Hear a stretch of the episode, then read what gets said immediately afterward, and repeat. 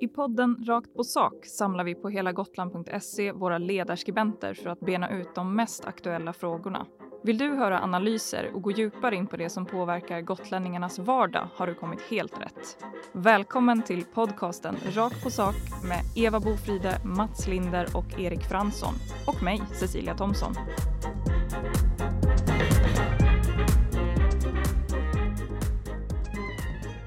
Ja, nu har våren äntligen anlänt och eh, det känns ju även på temperaturen här inne tycker jag i, i eh, poddstudion.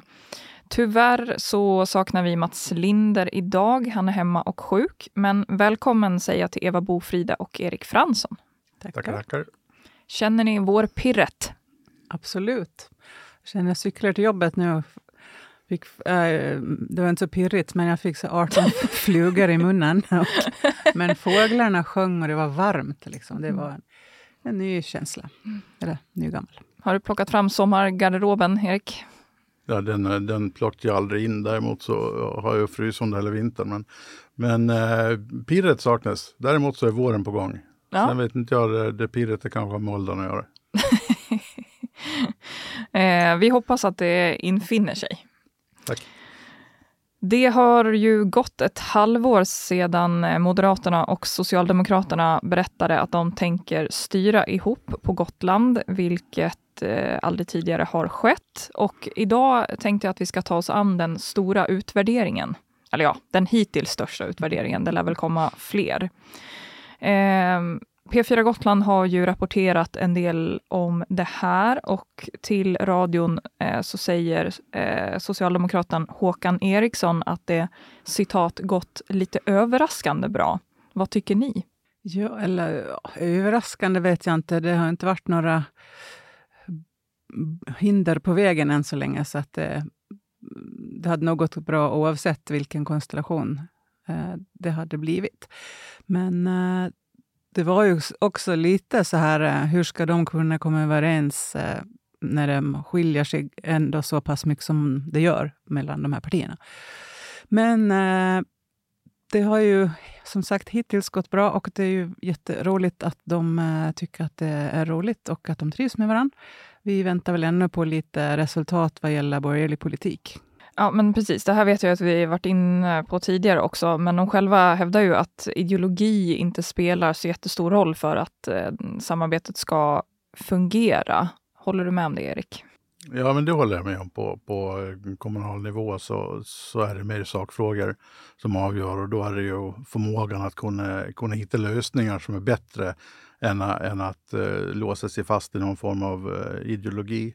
Så att det, det brukar inte vara så där jättemånga frågor uh, rent kommunalt som, som har med ideologin att göra. Däremot när de väl dyker upp så kan det bli ett problem. Vad har de haft för liksom, konkreta sakpolitiska framgångar? Då? Går det att lyfta någon sådan?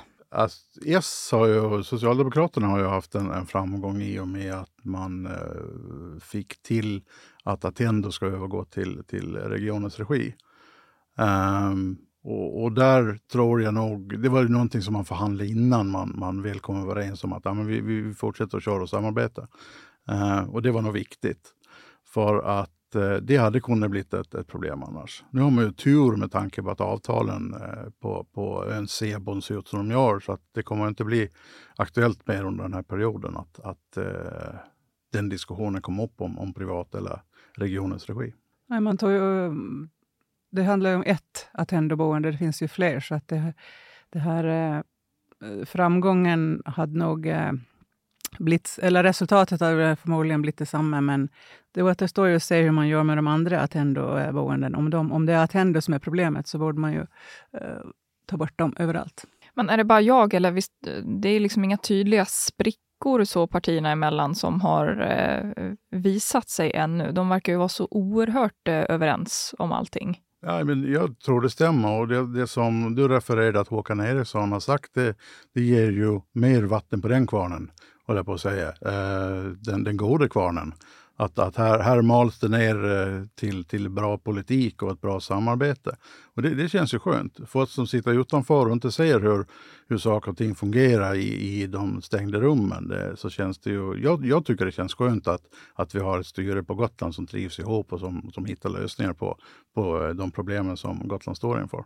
Det tycker jag också. Och sen hade det varit väldigt anmärkningsvärt om någon av de här företrädarna hade gått ut och sagt att nej, det funkar inte alls. Vi har jätteproblem och det är jättedåligt. Det hade ju, eh, det hade ju inte hänt. Liksom. Så att det, man får väl ta det lite för vad det är. Men eh, jag tycker på något sätt att det finns ju ett problem i, som faktiskt i grunden är en möjlighet. Och det är ju att vi har en konstellation på Gotland som motsvarar konstellationen i riksdagen på Gotlandsbänken. Den möjligheten används ju inte överhuvudtaget. Och det tycker jag är väldigt, väldigt tråkigt. Att man inte, till exempel, det här hemställan man skrev till regeringen, att inte både regionråden skriver under den, så att man får liksom det trycket utan att det bara är Meit som skrev under för Socialdemokraterna. Som är, hon företräder ju alla, men det hade varit en mycket större tyngd om de hade skrivit under båda. Och i riksdagen så har man ju snarare en, eh, alltså väldigt, en skillnad mellan ledamöterna där. Den ena säger att regeringen ju har gjort vad den kunnat och den andra eh, ber om liksom åtgärder. Så det här skulle man kunna använda, tycker jag, eh, mycket mer än vad man har gjort. Och det, det är eh, lite konstigt. faktiskt. Innan vi rullar igång här så var du inne lite på att det verkar vara lite osämja mellan eh, före detta riksdagsledamot Lars Thomsson och eh, nuvarande moderata Jesper Skalberg Karlsson. Vad, vad sker där? Ja, det är en liten eh, kamp som pågår eh, mellan dem, vem som har gjort mest och vem som gör saker på bästa sättet. Och det är ju eh, naturligt att det blir så. Men det, det, här är ju också lätt för oss som inte sitter i riksdagen och, och tycker och tänker vad de ska göra, som sitter där. Men, och det är klart att det händer mycket som inte basuneras ut. Att man, man kan ju jobba för en sak utan att, eh, eh, liksom, att det syns så mycket utåt. Men, men eh, det finns ju ingen, heller ingen motsättning i att berätta hur, vad man jobbar med och samtidigt jobba i kulisserna för att det ska gå att få ett resultat. Det, det är ju inte, man gör ju inte antingen eller, man gör ju både och. Alltså jag tänker att desto bättre kontakter man har, desto mindre motioner och desto mindre interpellationer behöver man, behöver man göra. Så att eh, när, när Thomsson då hade hyfsat bra kontakter förra, under förra mandatperioden och, och Skalberg mandatperioden innan skrev en jäkla massa motioner och, och var uppe i massa interpellationer så ser man skillnaden i vilket kontaktnät de hade. Eh, det är så jag tänker i alla fall. Eh, så att, att, att, mäta, eh, att, att mäta framgången i riksdagen utifrån hur många, hur många motioner eller hur många interpellationer man varit med i, det, det känns lite galet. Utan någonstans så är det ju resultatet som gäller. och då, då, då blir det en helt annan fråga. Eh, Jesper Skalberg Karlssons parti Moderaterna sitter ju i regering. Finns det någonting, har han liksom större möjlighet att påverka i och med det i Gotlands frågor? Finns det någonting, förutom att skriva motioner då, som, eh, som han kanske eh, kunde ägna sig mer åt, tycker ni? Alltså, vi vet ju egentligen inte hur mycket han gör idag. Eh, och det var ju som Eva sa, att mycket av de här kontakterna sker ju, sker ju off the record. Uh, och, och jag hoppas ju att, att Skalberg Karlsson har, har samma bra kontakt med, med statsråden som, som uh, Hanna Westerén hade under förra mandatperioden. Uh, sen vet vi ju att, att regeringen driver sin politik och det sammanfaller inte alltid med, med vad riksdagsledamöterna tycker och tänker. men man hoppas ju i alla fall att Skalberg Karlsson gör ett, ett gediget jobb bakom kulisserna. Eh, det är ju, eh, om vi ska blicka tillbaka lite mot Gotland, då, så är det budgetberedning eh, nu. Ekonomin, ja, det, det, det, finns ju vissa utmaningar där, kan man väl säga. Kommer det, eller kan det visa sig några sprickor i styret när det ska prioriteras i budgetberedningen, tror ni? Nej, det tror jag inte. Jag tror de kommer att hålla ihop Eh, i, i ett gemensamt eh, förslag som de kommer att stå bakom. Liksom, och, eh, alltså, I enighet. Och det är inte, där som problemen uppstår, utan problemen uppstår när man inte lyckas hålla budgeten. Om det visar sig att det händer saker som det brukar göra, så, så, så blir det ju där som det blir som problemen kommer och som man kommer att märka skillnaden kanske. Nej, jag tror inte heller att det blir några, några problem under budgetberedningen och, och framtagningen av budgeten för 2024. Eh, däremot så är det precis som Eva säger, att, att problemen kommer när problemen visar sig. Eh, att få ihop en budget är, är relativt lätt, eh, medan däremot att hålla den är däremot svårare. Eh, och där blir ju frågan, ska man hålla stenhårt på att eh, det är budgetdisciplin som gäller eller kan man använda sig av de buffertar som man faktiskt har byggt upp nu under ett antal år tack vare de stora statsbidragen som man inte eh, lyckades använda? Det här kommer vi säkerligen att eh, återkomma till, men innan vi släpper det så vill jag ha ett betyg på nya, eh, eller ja, nygamla får man väl säga, styret nu då. 1 eh, till 5. 1 är jätte, jätte dåligt och 5 är att de har gjort ett jätte, jätte, jättebra jobb. Tre. alltså jag är beredd att hålla med. Tre. Eh, det har gått kort tid. Eh, de har inte gjort något no, eh, så här lysande jobb som får folket att gå ut och hurra på kvällarna. De har inte heller gjort någonting som gör att folket går ut och buar och kastar ägg på dem. Så att, nej, men en, en, en klar trea, tycker jag. Ni är så diplomatiska. Ja. ja. Men man måste säga att det är dags för Moderaterna att kliva fram lite. Även om de då inte har no några frågor eh, som de skiljer sig så mycket åt. Så, alltså, de syns ju inte och de hörs inte. Och det, det, det är ju ett problem kanske för Moderaterna och deras väljare. Men man kan gissa att det kommer att höras mer ju närmare nästa val vi kommer. Men som av en slump så dök det upp en ishall plötsligt här nu i eh, förra veckan. Uh, och det har ju Moderaterna stora frågor. Så att, uh, ja, man, det, det, det, finns ju frågor som de tydligen klarar av att, att lyfta fram också.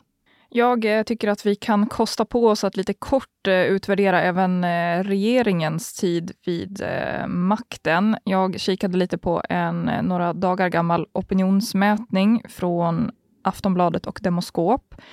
De visar att, eller den visar att Socialdemokraterna går framåt. För SD och M är det ja, stort sett oförändrat sedan valet. Eh, och de mindre partierna kämpar på kan man väl säga, med undantag för Vänsterpartiet som, det också ser, eh, som också går fram något. Men det ser ju tufft ut för exempelvis KD, Liberalerna och eh, Centerpartiet. Vad, vad beror det på? Ja, men alltså, det beror ju på, på Centerpartiets roll så tror jag att, att partiledarbytet spelar en stor roll. Um, och att Ja, nej men eh, Demirock Demirok har ju inte visat sig ordentligt. I alla fall inte när den var. Däremot så gjorde han ett jättebra jobb i söndags på partiledardebatten. Så att jag tror att det kommer att lyfta partiet.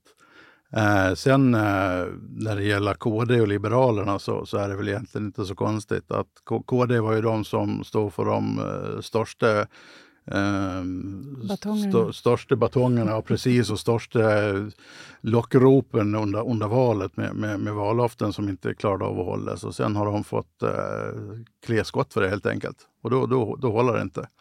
Eh, där tyckte jag också det var ett lyft att, att Ebba Busch inte var med i, i söndags. Eh, Forssmed gjorde ett betydligt bättre jobb än vad jag tror hon skulle ha klarat av. Eh, så att någonstans kan man väl misstänka att det var en, en planerad resa utifrån det. Men nej, så ska vi inte säga. Um, när det gäller Socialdemokraterna så är det ju att de, de lovade ju ingenting under valet.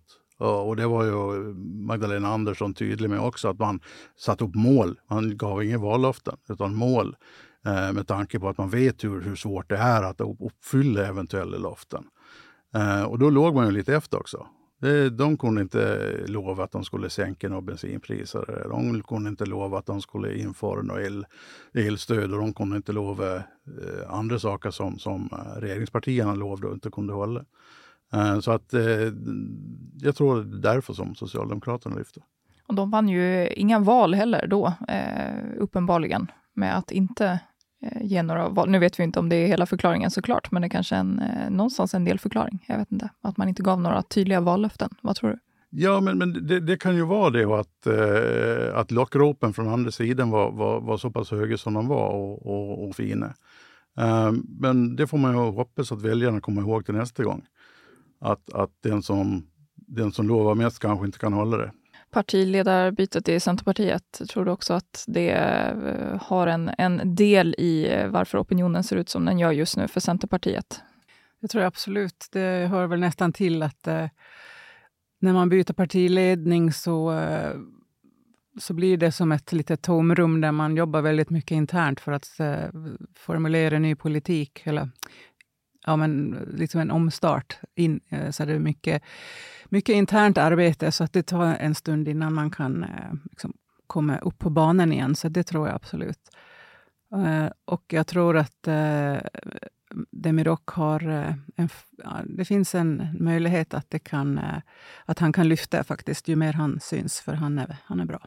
Vi ska eh, byta ämne helt och hållet nu och eh, prata lite om eh, den stora händelsen som var i helgen. Nämligen Coronation. The Coronation av kung Charles den tredje. Följde ni den här, det var ju en enormt lång tv-sändning från hela eh, ja, hela alltet, eventet eller vad vi ska kalla det.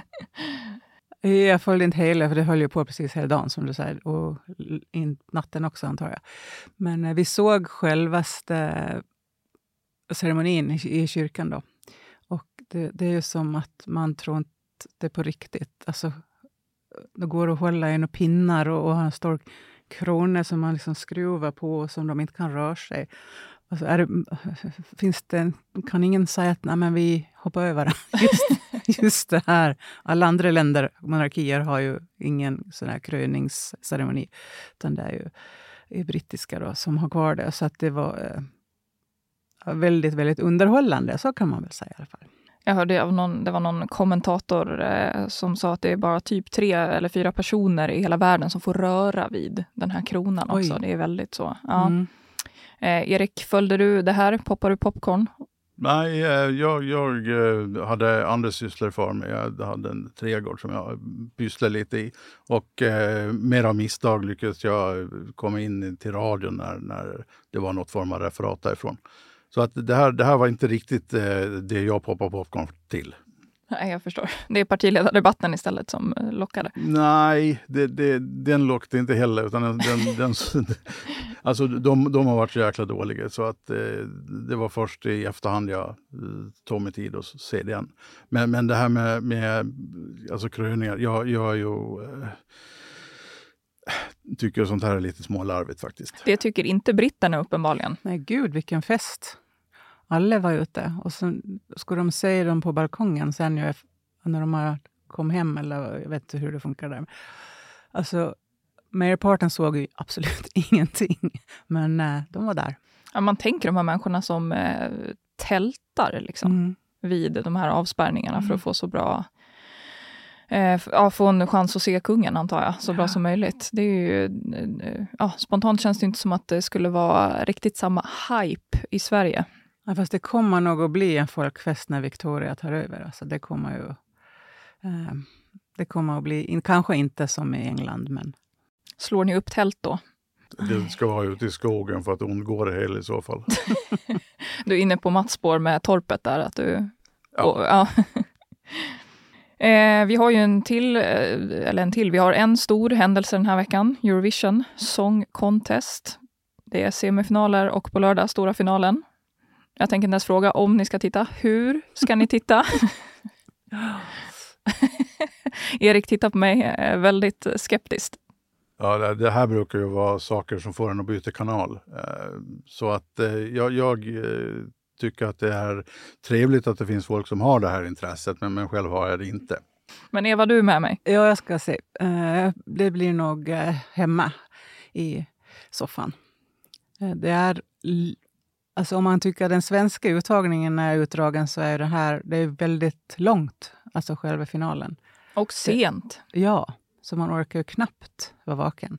Så det får man väl ha någon strategi för att inte somna. Men äh, det är ju ett spektakel det också, på tal om krö, först kröning och sen EC. Så det är mycket spektakel på en vecka. Mycket spektakel. Och nästa vecka, Erik, så får du komma med ett eh, tv-tips. Vi vill veta vad du poppar popcorn till.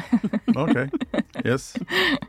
Det var allt vi har att bjuda på den här veckan. Nästa vecka så eh, hoppas vi naturligtvis att eh, Mats Linder är med oss igen och att vi alla håller oss pigga och på benen.